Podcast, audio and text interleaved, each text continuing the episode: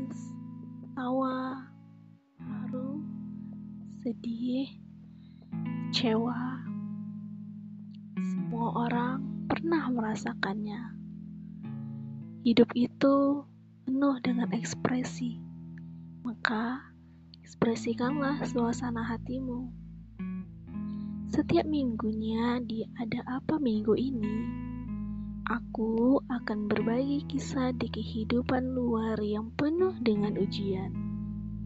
Setidaknya ada tempat untuk mengeluarkan apa yang mengganjal di hati.